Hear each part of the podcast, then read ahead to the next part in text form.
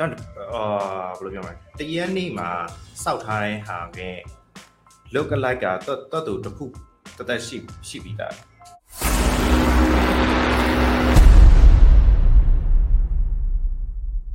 လေ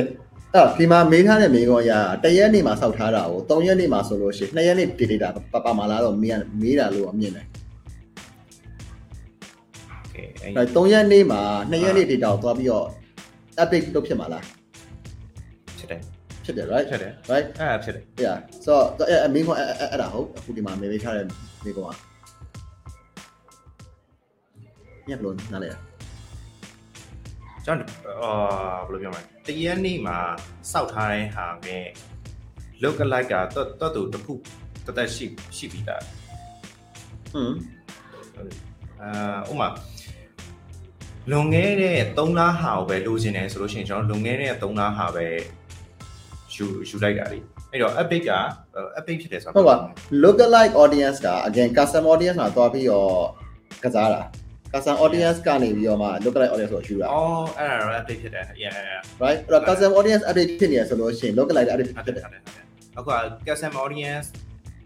အခုကမေးတာ look alike look alike ပဲပဲနေရ Okay. custom audience ဒါပေမဲ့ look alike က custom audience ပေါ်ကနေပြီးတော့ယူရတာဖြစ်တဲ့အလျာ custom audience ပေါ်မှာ update ဖြစ်နေတဲ့ကာလပတ်လုံးမှာဟို look alike တည်လဲ update ဖြစ်တယ် update ဖြစ်တယ် yes ဟုတ်တယ် right yeah okay agree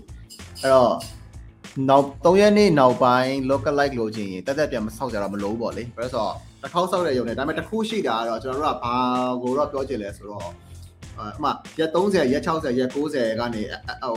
up to ရက်100ရက်365ရက်အထိရနိုင်တယ်ရက်180 365ရက်ပြီ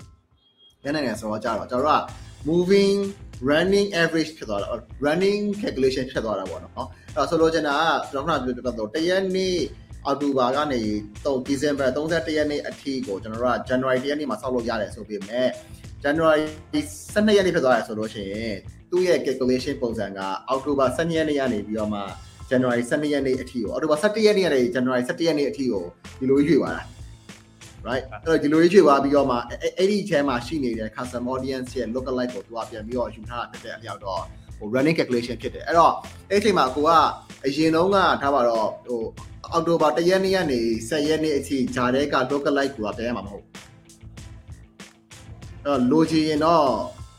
3လမလုပ်ဖဲနဲ့4လလုပ်ရင်လုပ်9လလုပ်ရင်လုပ်6လလုပ်ရင်လုပ်ဆိုရအောင်ဖြစ်ပါဒါပေမဲ့လူတွေရဲ့ကြာသဘောကကြတော့ကြာလို့ရှိရင်မေ့တတ်တဲ့အချင်းရှိတာဆိုတော့ကြတော့အရင်ကြီးမှ6လလောက်ကြာသွားတယ်8 brand brand ကြီးကဘွားကနေပေါ်လာပြီးတော့တဲ့မှာဒါလေးဝယ်အောင်မလားဆိုတဲ့အချိန်မှာ I mean back off ဖြစ်သွားနေတဲ့ဟာမျိုးဖြစ်နေတာပေါ့နော်ဆိုတော့ကြတော့ကျွန်တော်တို့ရဲ့ engage ဟိုအနည်းဆုံးဟာကဟိုဝယ်ဖို့အတွက် interaction အများဆုံးဖြစ်နိုင်တဲ့အလျောက်ကတော့ကျွန်တော်တို့ကတော့30 days to 90 days လောက်ကိုပဲ target ထားတာတော့ပိုပြီးတော့များတယ် okay